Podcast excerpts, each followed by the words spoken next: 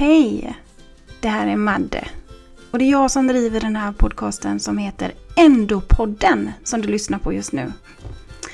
Ja, hur har ni det där ute i regn, värme, sol, kyla? Ja, växlande temperatur. Och det är ju sommar och det har varit lite uppehåll på Endopodden. Och det, det har varit eh, lite jobbigt att inte jobba med podden. Men nu är jag tillbaka och även den här podcasten. Dagens avsnitt kommer handla om en tjej som heter Jojo som är min vän också utöver att hon är min medsyster. Hon har genomgått en riktigt tuff resa och eh, har ju, ja, fått alla slags komplikationer som man kan få under de här ingreppen eller hormonbehandlingarna eller sådär. Och hon kommer även dela med sig av sin väldigt starka berättelse kring IVF. Som är en väldigt tuff resa. Som hon faktiskt har valt att berätta om. Vilket jag är väldigt, väldigt tacksam för. För det är inte många som vågar prata om den delen av livet. Ja, annars så har det gått några avsnitt. Eh, och jag hoppas att ni har varit nöjda där hemma och blivit berörda och kanske fått lite mer insyn i vad endometrios och endometrios gör med de som drabbas. Både de som lever med sjukdomen och även de som är runt omkring.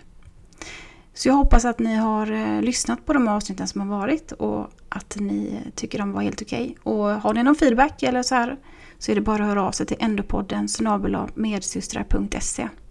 Men vet ni vad? Nu ska jag lämna över till när jag och Jojo satte oss här hemma hos mig i soffan. Och tillsammans så försökte vi gå igenom allting som har hänt och allting som har varit. Och det är en lång resa som har varit. Men eh, du är så modig och du gjorde det Jojo. Och eh, nu ska vi spela upp den här berättelsen för er andra så ni får lyssna. Håll till godo. Här kommer Jojos berättelse. Här sitter vi ju då, Jojo, du och jag. Ja. Min kära vän och eh, medsyster ska vi säga. Um, som jag har känt i några år. Mm. Det har dragit iväg tidsmässigt så. Ja, det var det. Och eh, du har ju valt att eh, vara med och berätta din eh, erfarenhet och vi kommer ha lite ljud i bakgrunden här. För att det är en kattunge som heter Osse som härjar. Så ibland så kommer det säkert störa lite, men det får vara så. Mm. Nej, men du har ju valt att dela med dig av din historia med endometriosen. Och även andra sidospår som har blivit sidospår med sjukdomen. Och Mm. eh, jag tänker vi, vi tillsammans här, du och jag, försöker gå tillbaka tidsmässigt. Eh, för att se lite vad som har hänt genom åren. För det är ganska mycket att komma ihåg. Ja, det är ju lite en dimma Ja, allting. det har varit väldigt mycket. Ja, det har det. Men om vi ska börja någonstans tänker jag och så försöker vi gå tillbaka i tiden här nu. Eh, när du fick din mens. Mm. Var det eh, då det började liksom problemmässigt eller? Nu när jag tänker tillbaka så var det ju det, men jag förstod ju inte att, att jag hade endometrios. Jag hade bara väldigt mensvärk. Mm. Ehm, Jag kommer ihåg jättetydligt när jag fick min första mens när jag var på väg hem från skolan. Mm. Ehm, Och jag började med p-piller eh, väldigt eh, tidigt Mm. för att jag hade som mensvärk och riklig mens. Mm. Hur gammal var du då? Jag var 13 Mm. var jag. Hade precis fyllt 13. Mm. Tidig tonåring då. Mm. Mm. Eh, Så jag testade både p-piller och jag hade sån hormonspiral i armen ett tag. Mm. Ehm, Men jag fick inte riktigt ordning på det. Jag hade ändå ganska mycket blödningar och mensvärk men det, det funkade ändå. Mm. Ehm, Sökte du dig till ungdomsmottagning då eller? Ja, jag gick till ungdomsmottagningen Ja. Mölnlycke. Mm. Ehm, Men endometrios kom ju aldrig upp. Nej. Det hade jag inte hört talas om förrän jag fick min diagnos. Liksom. Mm. Ehm, Så det är, ja, det är lite konstigt ändå att de inte... Mm. Se några paralleller liksom. Nej, Mm. precis. Men det var då du, det började liksom Ja, smärtmässigt och då fick du hormoner ja, och gick på det ja. några år. ja ehm, jag, jag gick ju på p-piller mesta tiden och eh, det var när jag var 24 som jag bestämde mig för att nej, nu vill inte jag äta hormoner längre. Det är nog inte bra för kroppen. Mm. Eh, Så då bestämde jag mig för att sluta. Mm. Eh, Och eh, det tog väl cirka ett år innan, innan jag fick en chokladcysta som sprack. Mm. Och fick åka in till akuten och då konstaterade de det och jag opererades dagen efter. Mm. Och Du åkte till gynakuten då? Mm, det Ja. gjorde jag. Och ja, det tog ju lång tid innan jag åkte in för jag, jag kände ju att jag hade jätteont men Mm. jag bara, äh, det går över. Gick och la mig i sängen och Mm. jag vet eh, min bror, jag pratade med honom och han hade haft eh, njursten. Mm. Så jag fick medicin av han som han hade fått utskrivet då. Och han bara, ta den här, det funkar skitbra. Det hjälpte ingenting. Nej. Och det var ändå stark Mm. medicin. Mm.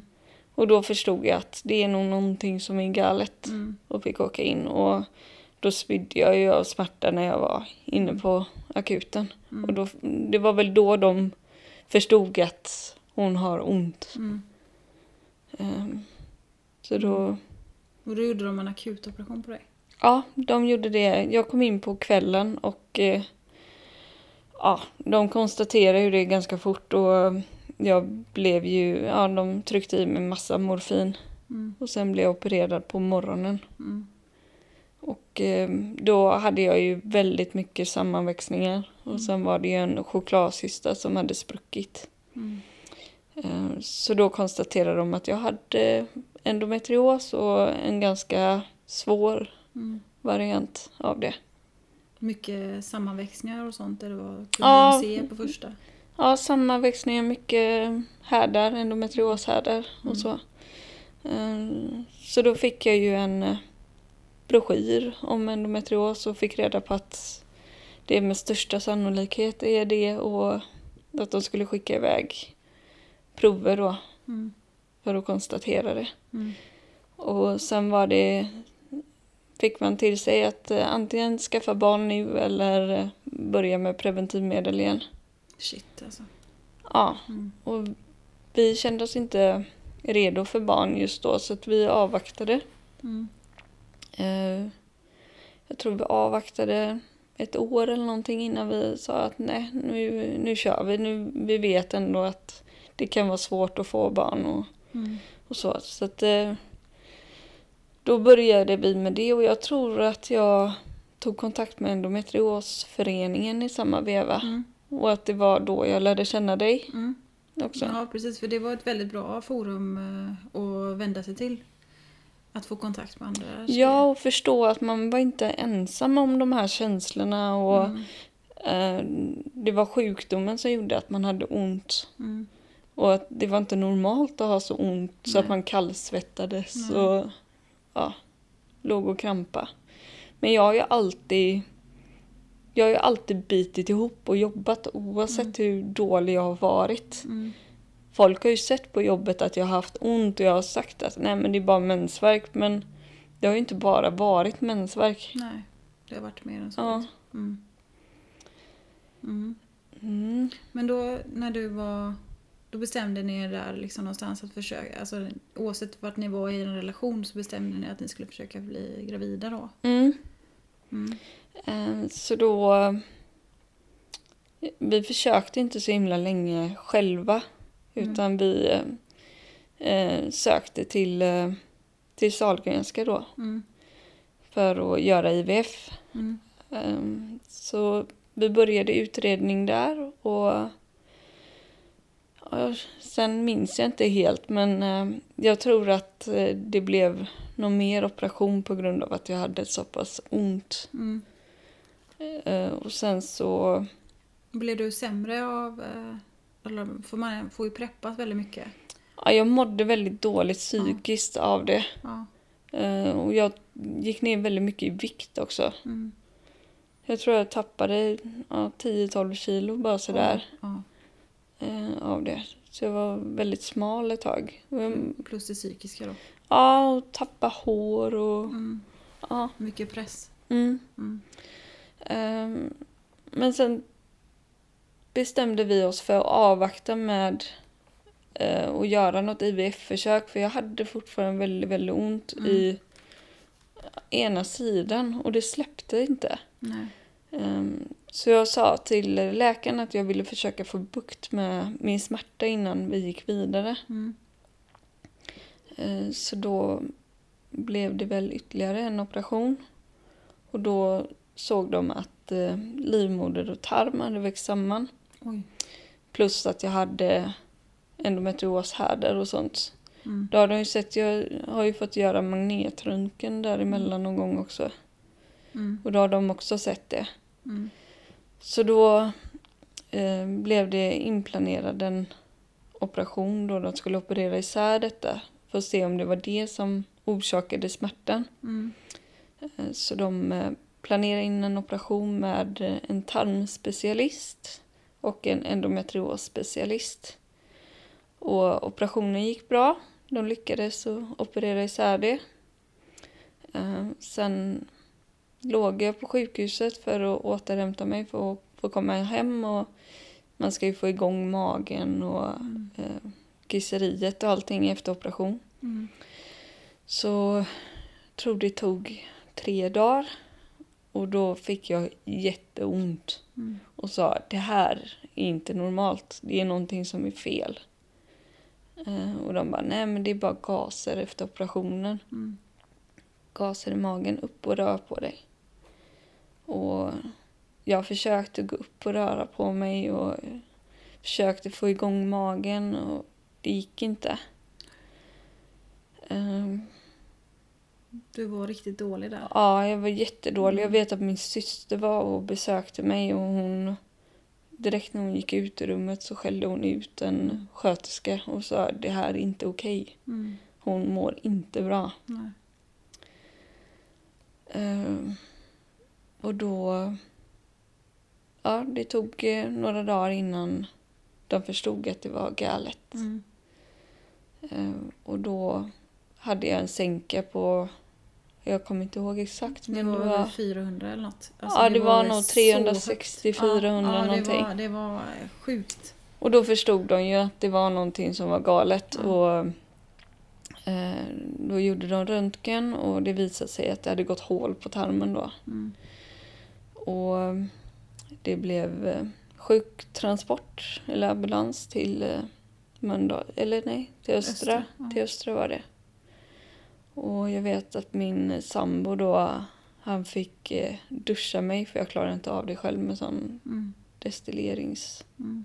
Det skulle ta en... eh, Ja, jag vet inte Mm. vad det heter, men sån. Mm. Han fick hjälpa mig för jag klarade ingenting. Mm. Jag var så himla svag i kroppen då. Mm. Eh, och sen vet jag att jag fick lägga mig på en brits och de frågade mig, brukar du ha höga eller låga byxor? Och rita ut på magen vart de skulle sätta Ja. stomin då. Mm. Och berättade för mig att eh, de skulle snitta från naveln och neråt. Mm.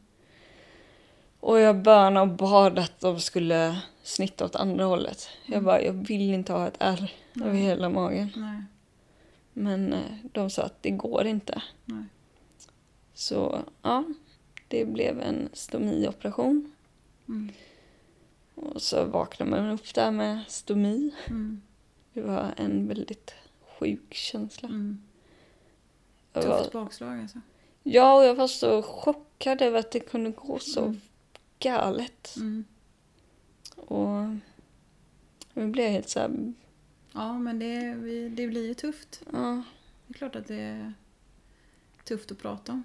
Ja, ja, men det, det har varit riktigt jobbigt. Och Mm. Jag var så äcklad över den här stomin. Och, Mm. Mm. Nej, jag ville inte ens röra vid den, Nej. kommer jag ihåg. Eh, och jag var ju bra dålig då. Mm. Det tog ju bra lång tid innan jag blev bättre. Mm. Vet jag att jag frågade om jag fick åka på permission där vid jul, Mm. över julafton. Mm. Men det fick jag inte för att jag var för dålig. Så ja, firade jul på sjukhuset Mm. själv. eller min, min kille, han kom ju dit och min julklapp och så till mig. Mm. Eh, Och sen när jag väl fick komma hem då eh, var jag sjukskriven en månad. Mm. Efter det började jag jobba igen. Då körde du på igen. Ja, Mm. men det funkar ju inte. Kroppen säger ifrån. Mm. Såklart. Så då gick jag ner i tid. Ehm, men det funkar fortfarande inte. Mm. Ehm, så jag fick ju brock på tarmen.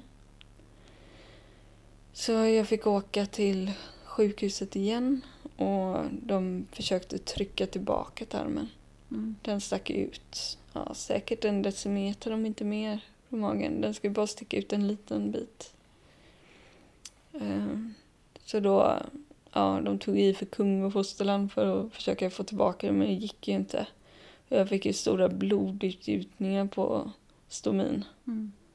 Ehm, Så de gav upp till slut och eh, sa att nej, det får bli operation. Mm. Så får vi operera bort den skadade biten. Mm. Eh, se om eh, tarmen har läkt. Det var ju en tillfällig stomi. Jag skulle ju, de skulle operera ihop det efter ett halvår. Mm. Men det hade gått väl ja, två, tre månader. Eh, så ja, det blev operation och som tur var så hade det läkt ihop så pass bra så att de kunde operera ihop det. Mm. Så jag slapp stomin. Mm. Mm. Men det var ändå eh, lång tid att gå med det. Alltså, Ja. Det, ja. Ja, det var inte... Nej.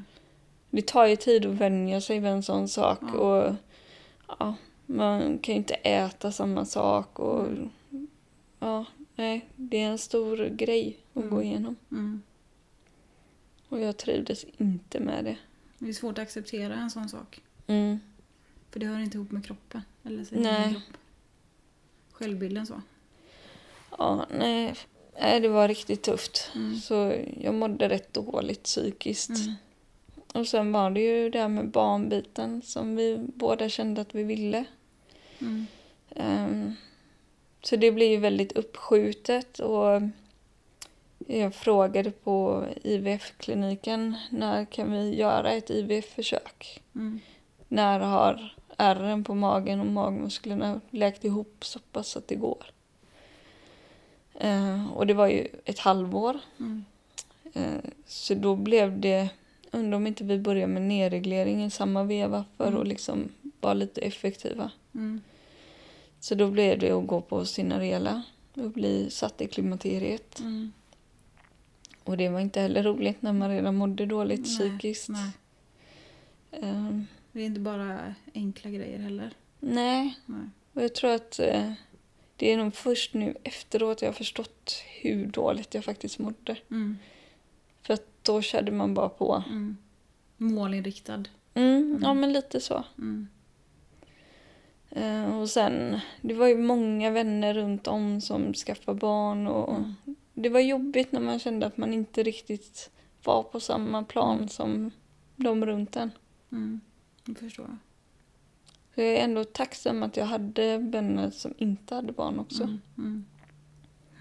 Det blev att jag tog avstånd från de Mm. som hade barn eller var gravida. Mm. Jag tyckte det var så jobbigt. Mm. Och det är inte konstigt. Nej, egentligen inte. Nej. Det förstår man ju nu liksom. Mm. Mm. Men det var jobbigt då. Mm. Var det. Mm. Men eh, ja, vi började vår IVF-resa där. Och så... Eh, ja, vi gjorde äggutplock och satte in. Men det tog sig inte. Nej. Eh, och jag tror att det tog sig på tredje försöket. Mm. Något sånt. Det är lite dimmigt allting. Mm. Det är inte konstigt. Det är Nej. ju så mycket som har hänt. Mm. Mm. Så då tog det sig och vi skulle tillbaka och kolla så att Mm. allting såg bra ut Mm. och att hjärtat slog och Mm. allting i vecka åtta tror jag det Mm. var som man skulle göra. Men då slog inte hjärtat. Nej. Så då fick jag tabletter för att framkalla missfall. Och, Mm. Och det var verkligen ett bakslag också. Mm. Ehm, det var riktigt tufft. En riktig sorg. Ja, det var det när man ändå kämpat så. Mm. Ehm, ja, så det var jättejobbigt. Och sen eh, fick jag ju uh, livmoderinflammation på det. Mm. Jag fick jätteont i magen och jag spydde gult tror jag det var. Gult eller grönt. Mm. Spydde galla. Och jag fick inte behålla någonting. Och bara hade jätteont. Så jag sökte på akuten. Eh, och blev hemskickad därifrån. Jag kunde inte ens gå rakt. Mm. Och blev hemskickad. Ehm, och sen fick jag söka ytterligare en gång. Eh, för det gav ju inte med sig. Nej. Eh, fick ju inte behålla något. Så då förstod de att det var livmoderinflammation jag hade fått. Mm. Och då fick jag antibiotika i tablettform. Mm. Men eh, det hjälpte ju inte. Jag fick ju inte behålla någonting. Och eh, Ja, då kom ju tabletterna upp. ja, Mm. precis. Så det... Ja. Så eh, till slut så sa min syster att nej, du måste åka in igen Johanna. Mm. Eh, Så att hennes kille eh, kom på lunchen och hämtade mig hemma och körde in mig till akuten igen. Och då blev jag inlagd Mm. med dropp. Mm. Så då gav det med sig till slut. Shit. Ja, Mm. sen eh, var det på det igen då. Med IVFen. ja, med IVF ja. Mm. Eh, jag kommer inte ihåg om vi hade ägg kvar eller om vi gjorde nytt utplock. Men det gjorde ju fruktansvärt ont att göra de här utplocken när man har så mycket Hur går det till? ärrvävnad. Eh, man blir ju nedreglerad först då. Speciellt om man har endometrios så Mm. vill de ju nedreglera en helt, Mm. helst länge då. Och sen så börjar man eh, med sprutor för att stimulera mm, äggproduktionen. Mm. Och eh, sen får du gå på blodprov för Mm. att se liksom vart du är i din, eh, i din menscykel. Mm. Och du får även göra ultraljud för att se liksom hur, hur stora äggen är och när det är dags och så. Mm. Så får du ju eh, ett eh, datum och eh, jag tror, ja du får senare klockslag Mm.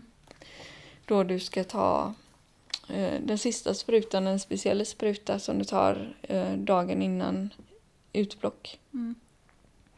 Och sen eh, får man komma in och sätta på sig de här snygga strumporna och en sjukhusrock. Mm. Och gå in och lägga dig i en sån gynstol. Så är det en jättenål Mm.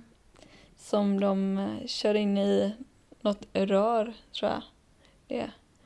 Så eh, sticker de ju hål när de ser äggen och så suger de ut i, i det här, i nålen. Vilken teknologi egentligen. Ja, det är häftigt ändå hur det funkar. Ja. Men ja, det, Det känd, gör ont. det kändes som att de huggen, Ja. verkligen. Ja. Men sen tror jag, jag har nog ganska mycket ärrvävnader och sammanväxningar och sånt Mm. som gör att det gör ännu ondare. Mm. Det gjorde ont liksom. Mm. Ja, och de sa ju även det att det var väldigt hårt. Liksom. De fick verkligen ta i för att komma igenom Mm. väggen där. Mm. Eh, Men ja, just på Sahlgrenska i alla fall, där får man ju syrgas. Ehm, Och jag tror även du fick eh, eh, annan smärtlindring också. Du fick lustgas typ. Ja, lustgas heter Ja. det kanske. Syrgas. Syrgas, det, det, det är bra att ha också. Ja, kanske. Jag hade kanske behövt det så att jag andades ordentligt. Men, Ja. men lustgas det är ju bra. Ja. jag, som smärtlindring Ja, när man gör sånt. Det är bra att jag är med här och rättar. Nej. det är mycket att hålla reda på. Ja, Mm. eh, ja men det fick man i alla fall. Men Mm. jag tyckte inte att det hjälpte ordentligt. Nej. Eh, det tar väl lite tid att komma in i det där hur man ska andas Mm. och så också. Det var inte riktigt min grej. Nej. Jag är sådär, håller andan och spänner hela mig när jag Mm. får ont, vilket man inte ska göra. Nej, Det där Det med är att lätt. slappna av, det är Mm. inte det lättaste. nej. Inte i de situationerna. Nej, det är det inte. Nej. Men då tar de och plockar ut äggen i alla fall och så ehm, tar de och befruktar dem. Mm. Eh, och så ser de vilka som delar på sig som de ska. Och så, ja, efter det så ser de ju hur många ägg som har klarat sig och är befruktade och redo att sättas in. Mm. Eh, så då får man ju komma tillbaka efter ett par dagar och sätta, in. det. Aha. Och sen är det den härliga väntan på att få reda på om det har tagit sig eller inte. Mm. Man går där och klämmer på brösten och Jag kan tänka mig, alltså, som man gjort det några gånger också Ja. så är det ju väldigt mycket erfarenhet och mycket oro mm. såklart. Ja, och den här längtan att lyckas. Mm. Och så... Ja, det är så mycket hopp i det hela. Mm. Man hoppas ju verkligen att det ska ta sig. Mm. Eh, men eh, ja, vi gjorde några försök till i alla fall och det visade sig... eh, jag fick plus en gång till, men det var ingenting sen. Mm. Så det var ett väldigt tidigt missfall. Mm. Eh, och sen eh, beslutade vi oss, mina äggledare var dåliga, de var igensatta. Mm. Eh, så då diskuterade jag med min läkare och vi kom fram till att det bästa för att optimera chansen att lyckas bli gravid är att operera bort äggledarna. Så då opererades de bort. Mm. Eh, läkaren han poängterade verkligen att jag opererar inte dig för att du har ont. Nej. Eh, det skulle jag aldrig göra för att du är en sån riskpatient. Eh, så detta är bara för att öka chanserna Mm. för att bli gravid. Mm. Och var även, eh, han visste inte om han skulle lyckas göra det genom bara titthål Nej. eller om han skulle behöva operera eller öppna upp hela buken igen. Mm. Ehm, Men det gick bra. Han sa att de var helt igensatta. Mm. Det var, i, det var inget att ha. Liksom. Nej. Nej. Det var tur att de gjorde det då. Ja, Mm. ehm, och det var innan vi hade gjort alla våra Mm. försök Mm. på Sahlgrenska. Mm. Vi hade gjort våra tre försök Mm. med, eh, eller tre uttag och eh, eh, jag tror vi hade gjort nio försök totalt. Mm. Shit. Mm. Mm. Det, Det är många resor. ja, det är det. Mm. Men vi beslutade oss ändå för att göra ett sista försök och gå till en privat klinik. Mm. Eh, Jag tycker att det var väldigt skillnad på att gå privat och på Sahlgrenska. Mm. Det var väldigt mycket bättre bemötande och de är jätteduktiga på Sahlgrenska också. Eh, Men det var ändå skillnad. Mm. Det var det. Eh, Så då eh, satt vi där och diskuterade om vi skulle göra ett försök eller ta ett paketpris på tre, eller tre uttag. Mm. Men eh, vi kom fram till att vi tar ett uttag Mm. och sen får det vara bra efter det. Mm. Tar det inte då så får det vara. Mm. Det var så tufft liksom. Ja, jag mådde så jäkla dåligt av de här och det Mm. gjorde så ont och Mm. ja men även eh, när man eh, tar de här sprutorna för att stimulera ägglossningen. Mm. Man blir så himla svullen och Mm. men det tar på kroppen Mm.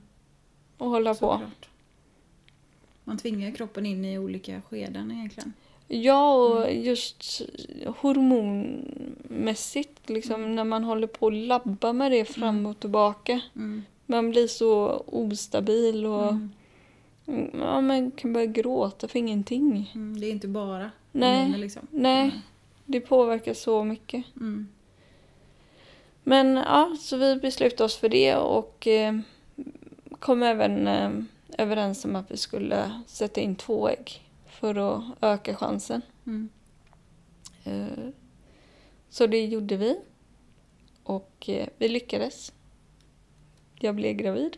Det tog sig. Ja, det gjorde det. De såg att båda hade tagit sig, men ena levde inte längre. Mm.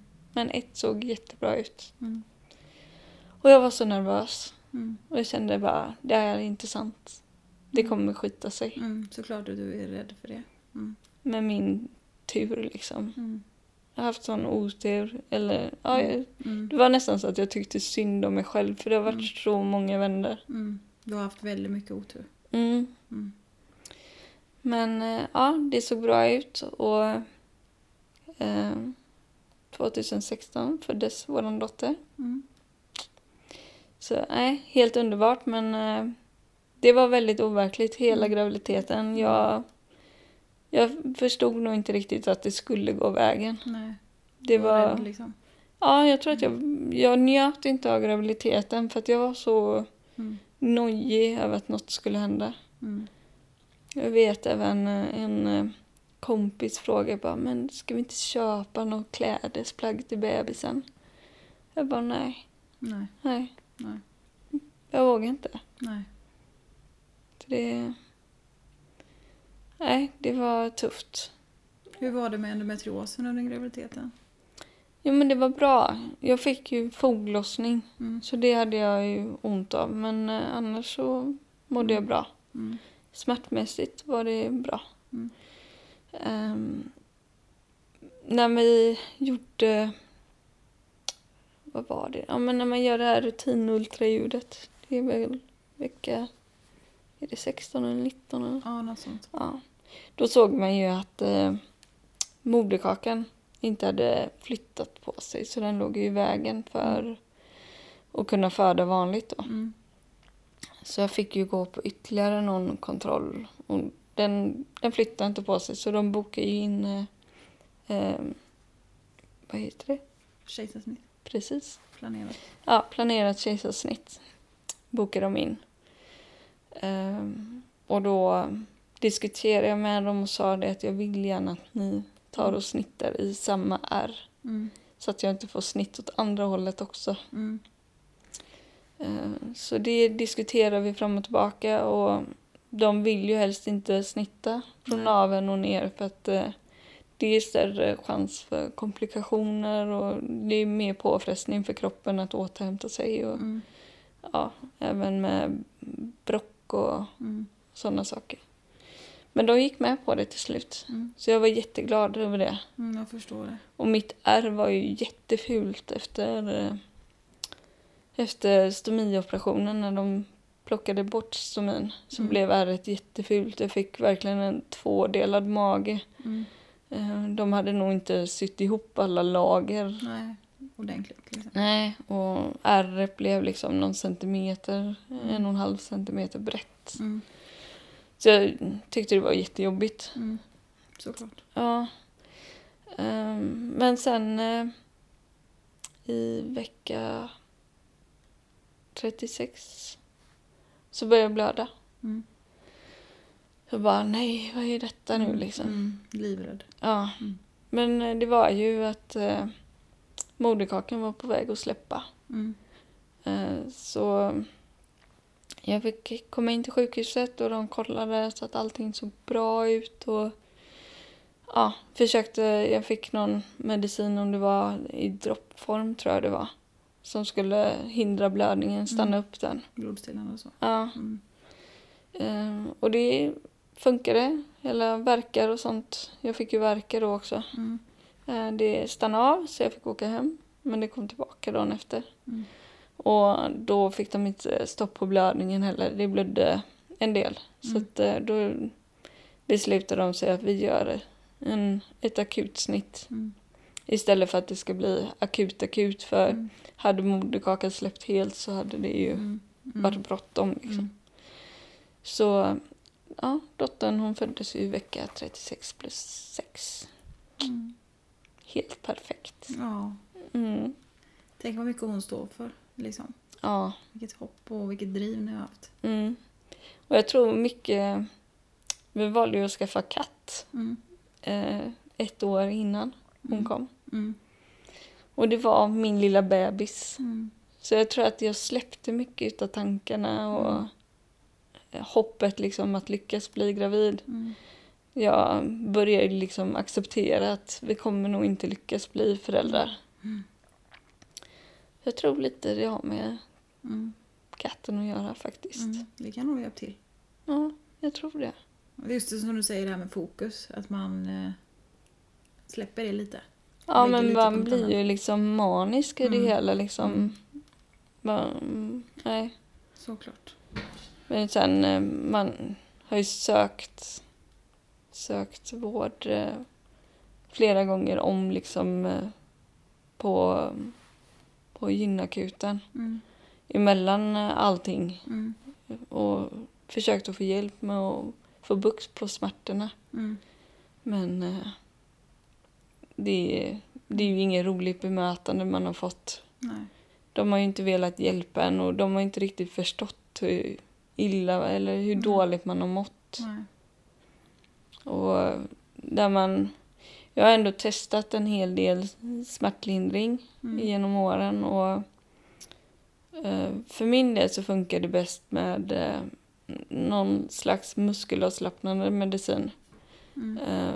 För att kunna liksom slappna av för jag spänner hela kroppen när jag har ont. Mm. Men nej, det i kombination med någon morfin Mm. har ju funkat bäst. Men de har ju varit väldigt anti till att Mm. skriva ut Mm. eller hjälpa med det. Mm. Vilket jag kan förstå till viss del. Mm. Men när man är i den situationen att man inte kan sova. Ja, ja, jag vet, jag sov typ tre timmar per natt. Jag var ju helt förstörd. Mm. Jag bara, jag måste få sova, jag måste få hjälp med det. Mm. Och ändå så bara, nej, jag kan inte hjälpa dig. Allt ser bra ut. Ja, men det känns lite som att när man kommer in på akuten med eh, och har en meteoros så känns det som att man redan är bortprioriterad i den här akutkön på Mm. något sätt. Ja, lite så känns det. Att de typ suckar när Ja, de ja. hör endometrios. Men jag... Nu vet jag inte när det var, men jag fick ju gå och remiss till smärtkliniken Mm. på Östra. Men det var inte jättemycket de kunde hjälpa mig med där eftersom vi hade barnönskan. Mm. Eh, Så då kunde de ju inte Nej. hjälpa till med mediciner och så. Men jag fick ändå gå till en sjukgymnast och Mm. Göra lite bålövningar för att stärka upp den. Mm. Jag tror att det var i samma veva som stomioperationen och det hade Mm. varit. Mm. Eh, och fick eh, gå på sån KBT. Mm. Eh, jag tyckte det jag tog med mig därifrån var Linus på linjen Mm. som hon ritade upp. Mm.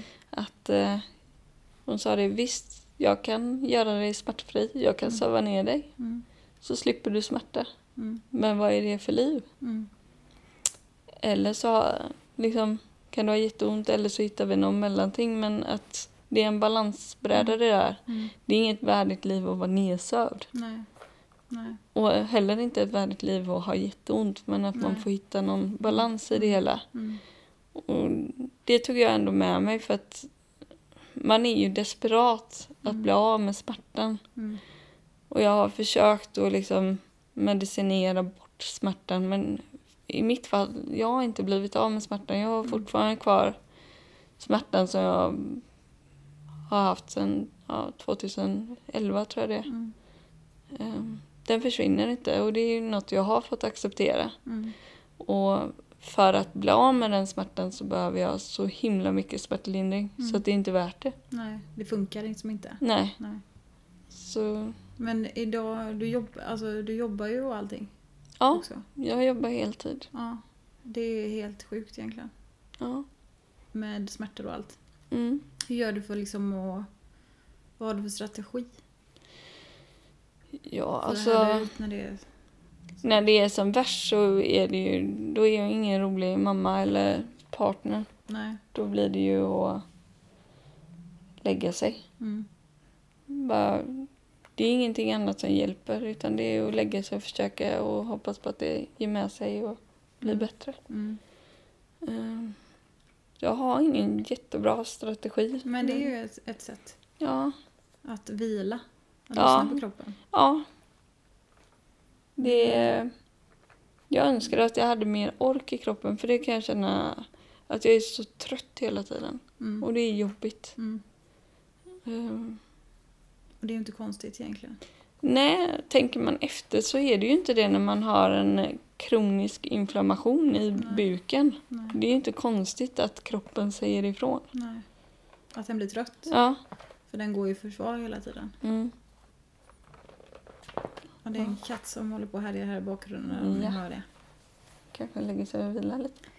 Hon har ju vilat nu när vi har fått sitta här i lugn och ro. Ja. Hon är igång igen. Ja, nu var hon Mm. igång igen. Nej men det är att vila. Mm. Ta, alltså lyssna på kroppen. Du går och lägger dig då liksom när det är som Mm. värst. Hur är, det, hur är det med ditt stöd av din partner?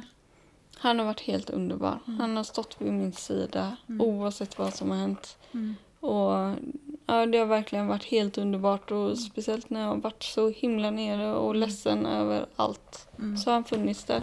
Mm. I vått, vått och torrt liksom och ja men inte haft en tanke på att lämna mig för att det har man själv känt att eh, varför stannar du? Vad, Mm. vad är det som håller kvar dig? Mm. Träffa någon annan. Mm. Bilda familj och Mm. liksom leva ett normalt liv. Mm. Men han har, han har verkligen varit min klippa genom det hela. Mm. Det är väldigt avgörande tänker jag. Ja, ja men det är det. Och speciellt, alltså, även sjukhusbesök eh, när man har legat inne. Jag har ju opererats ganska många gånger genom Mm. åren Mm. liksom. Oh, ja. Många sjukhusbesök. Ja, och eh, ja, men det har verkligen varit eh, guld värt att ha honom och även familjen. Mm. Min mamma är ju mitt Mm. allt. Mm. Och när man själv inte orkar kriga Mm. och ha någon där som krigar åt en. Ja, för hon har tagit eh, en hel del fighter genom åren på sjukhusen. Ja, ja, hon har ju stått och bråkat med läkare och sånt Mm. också när Mm. hon har sett att jag har mått jättedåligt. Och, Mm. ja, hon har ju till och med blivit utslängd från mitt rum. Ja. Mm. Det har varit väldigt konstigt bemötande Mm. på avdelningen. Mm. Eh, Det har inte alls varit liksom tillmötesgående och jag vet min kille han blev ju utslängd innan jag skulle opereras Mm. och jag bröt ihop helt Mm. när de slängde ut honom. Mm. För jag var så rädd inför operationen. Det var när jag skulle operera bort äggledarna. Mm. Eftersom det hade gått så snett, Mm. operationerna Mm. innan liksom. Mm. Det är klart. Ja. Mm. Men eh, de förstod ju inte hur jobbigt jag tyckte det var förrän jag bröt ihop och då var det för sent. Då hade han redan fått åka. Mm. Det är, Mm. Det är mycket du har fått gå igenom. ja, om man saknar liksom den här empatin. Mm. Eh, är, man är ju så utsatt i den situationen också. Ja. Då är det så Verkligen. viktigt att få känna att någon förstår eller försöker förstå. Mm, Även om inte de kan, tänker jag. ja. Sen har ju man genom åren mött eh, helt underbara sköterskor också. Mm. Jag vet då jag var gravid med dottern. Mm. Jag var ju jättenervös och jag trodde ju att någonting var fel. Mm. Och jag åkte till akuten för jag hade nog någon liten blödning och hade ont. Och jag bara, det har gått åt helvete. Det har skitit sig. Mm. Och jag träffade en sköterska där och hon, hon tog sig verkligen tid och satte sig och pratade med mig. Mm. Och eh, berättade om ja, sin familj och lite så. Sen så sa hon att det finns ingenting man kan göra ändå. Nej. Det är som det är. Och det är säkert ingenting fel. Mm. Och försök att varva ner och ta det lugnt för att du kan inte påverka någonting. Mm. Ehm, Jag kommer inte ihåg exakt vad hon sa men det var jätteskönt att prata med henne för jag, jag var i upplösningstillstånd och det var så underbart att hon faktiskt tog sig Mm. tiden. Mm. Även om inte hon kunde göra någonting Mm. så gjorde det så mycket att Mm. bara känna att någon lyssnade på en. Mm. Att hon sa det hon sa. Ja. Även om inte hon kan hjälpa dig. Att hon ändå försökte. Mm. Jag tycker det är, det är avgörande i de situationerna.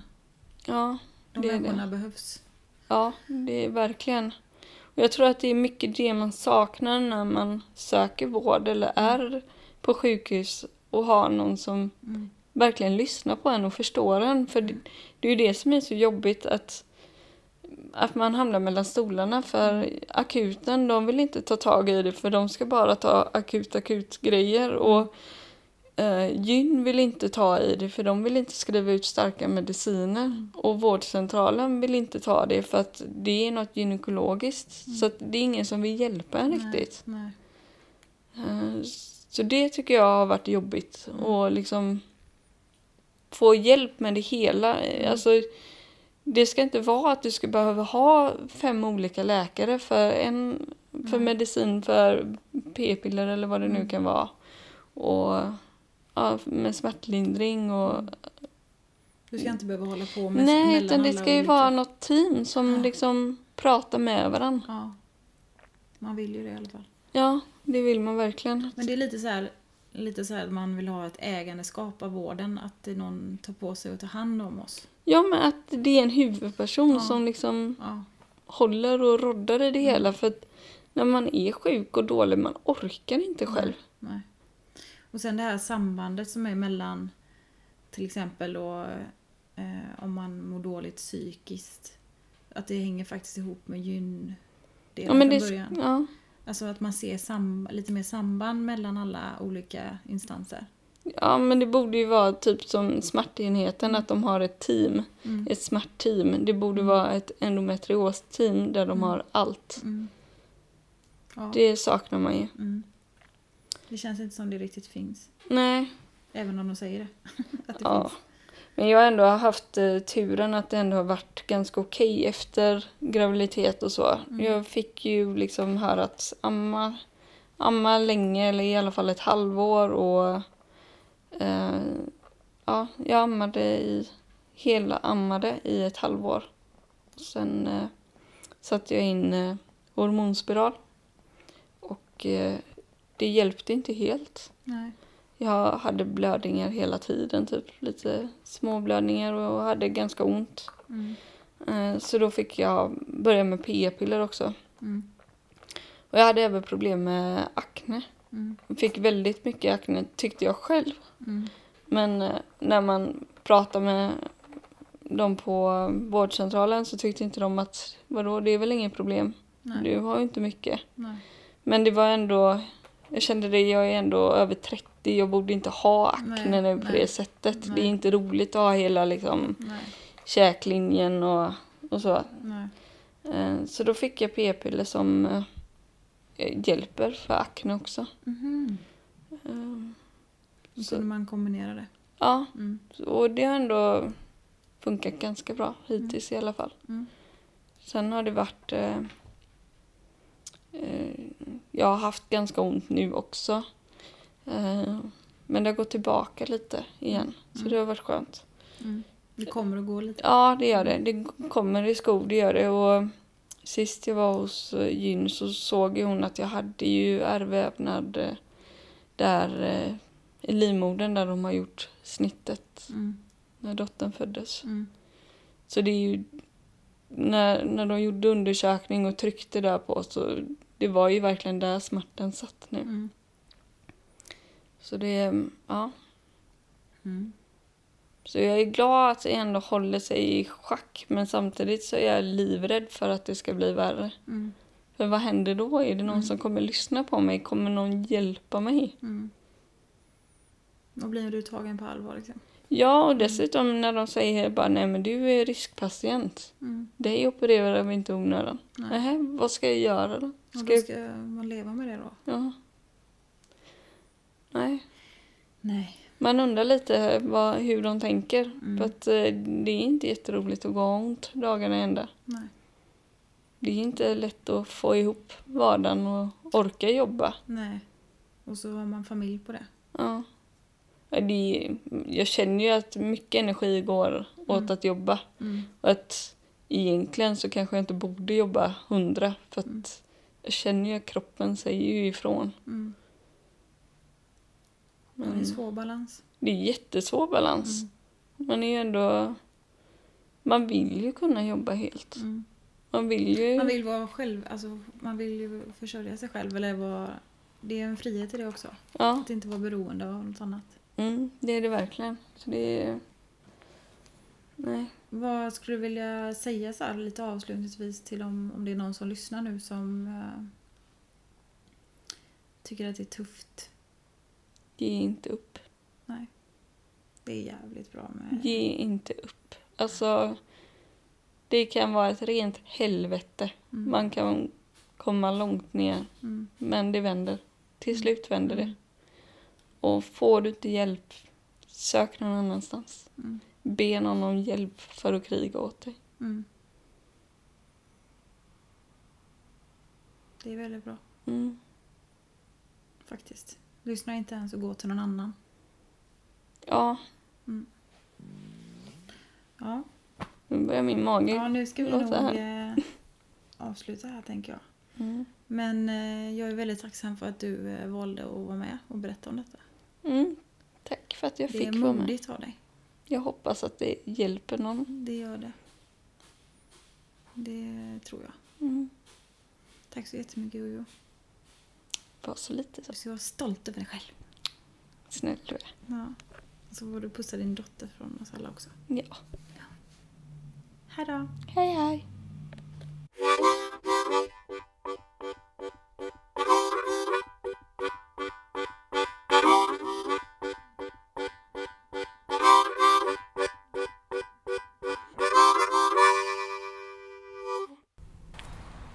Jag var ute och gick häromdagen och funderade över allting som har hänt i den här podcasten och alla historier, alla berättelser, alla tårar, alla skratt. Allting sammantaget. Så är det väldigt berörande att göra sånt här. Och det behövs. Man behöver höra om sjukdomen endometrios. Man behöver höra vad den gör med människor och vad den gör med människorna runt omkring. Och det är så himla individuellt. Det är så viktigt att man når ut med det som måste bli sagt. Och jag slogs verkligen av den här otroliga modet som de här tjejerna som har trätt fram hittills innesitter. De är modiga.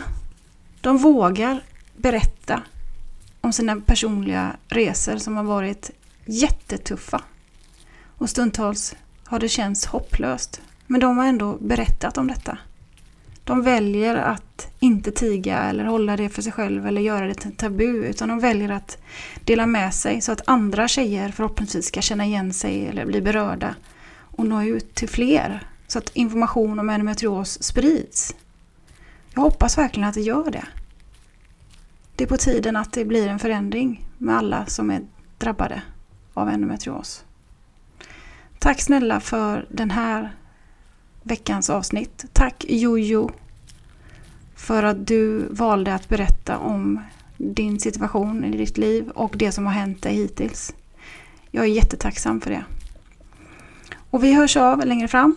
Och är det så att du vill medverka i Endopodden så hör av dig på endopodden medsystrar.se och där kan man även höra av sig om det är någonting man vill ge feedback om. Om det här var bra eller det här var dåligt, men det där, det här kan du göra bättre. Och så vidare. Allting mottages gärna. Men tills vi hörs igen så hoppas jag att ni har det riktigt bra och ligger och slappar er i någon god soffa eller hängmatta och lyssnar på Sommar i P1. Antingen i solen eller under taket under regn. Ha det så bra så länge och var rädda om er och kom ihåg, ge inte upp utan kriga och får du inte hjälp av första personen, gå till nästa. Sen en liten PS-sak som jag verkligen vill få sagt. Som jag och Jojo grubblade på när vi satt och gjorde den här intervjun till dagens avsnitt. Det är att man har alltid rätt att begära ut sin journal. Och det kan vara väldigt bra att göra det. Eh, för att då, man kan lätt glömma när det är mycket som har hänt så är det lätt att glömma. Så är du lite så här osäker på vad du har varit med om så begär ut din journal och läs igenom och så kanske du får en tillbakablick av vad du har gått igenom. Ehm, det kan nog vara ganska intressant och nyttigt och sådär. Men eh, ja, det var bara det jag skulle säga. Ha det gott allihopa och ta hand om er och var rädda om er allihopa där ute. Hej då!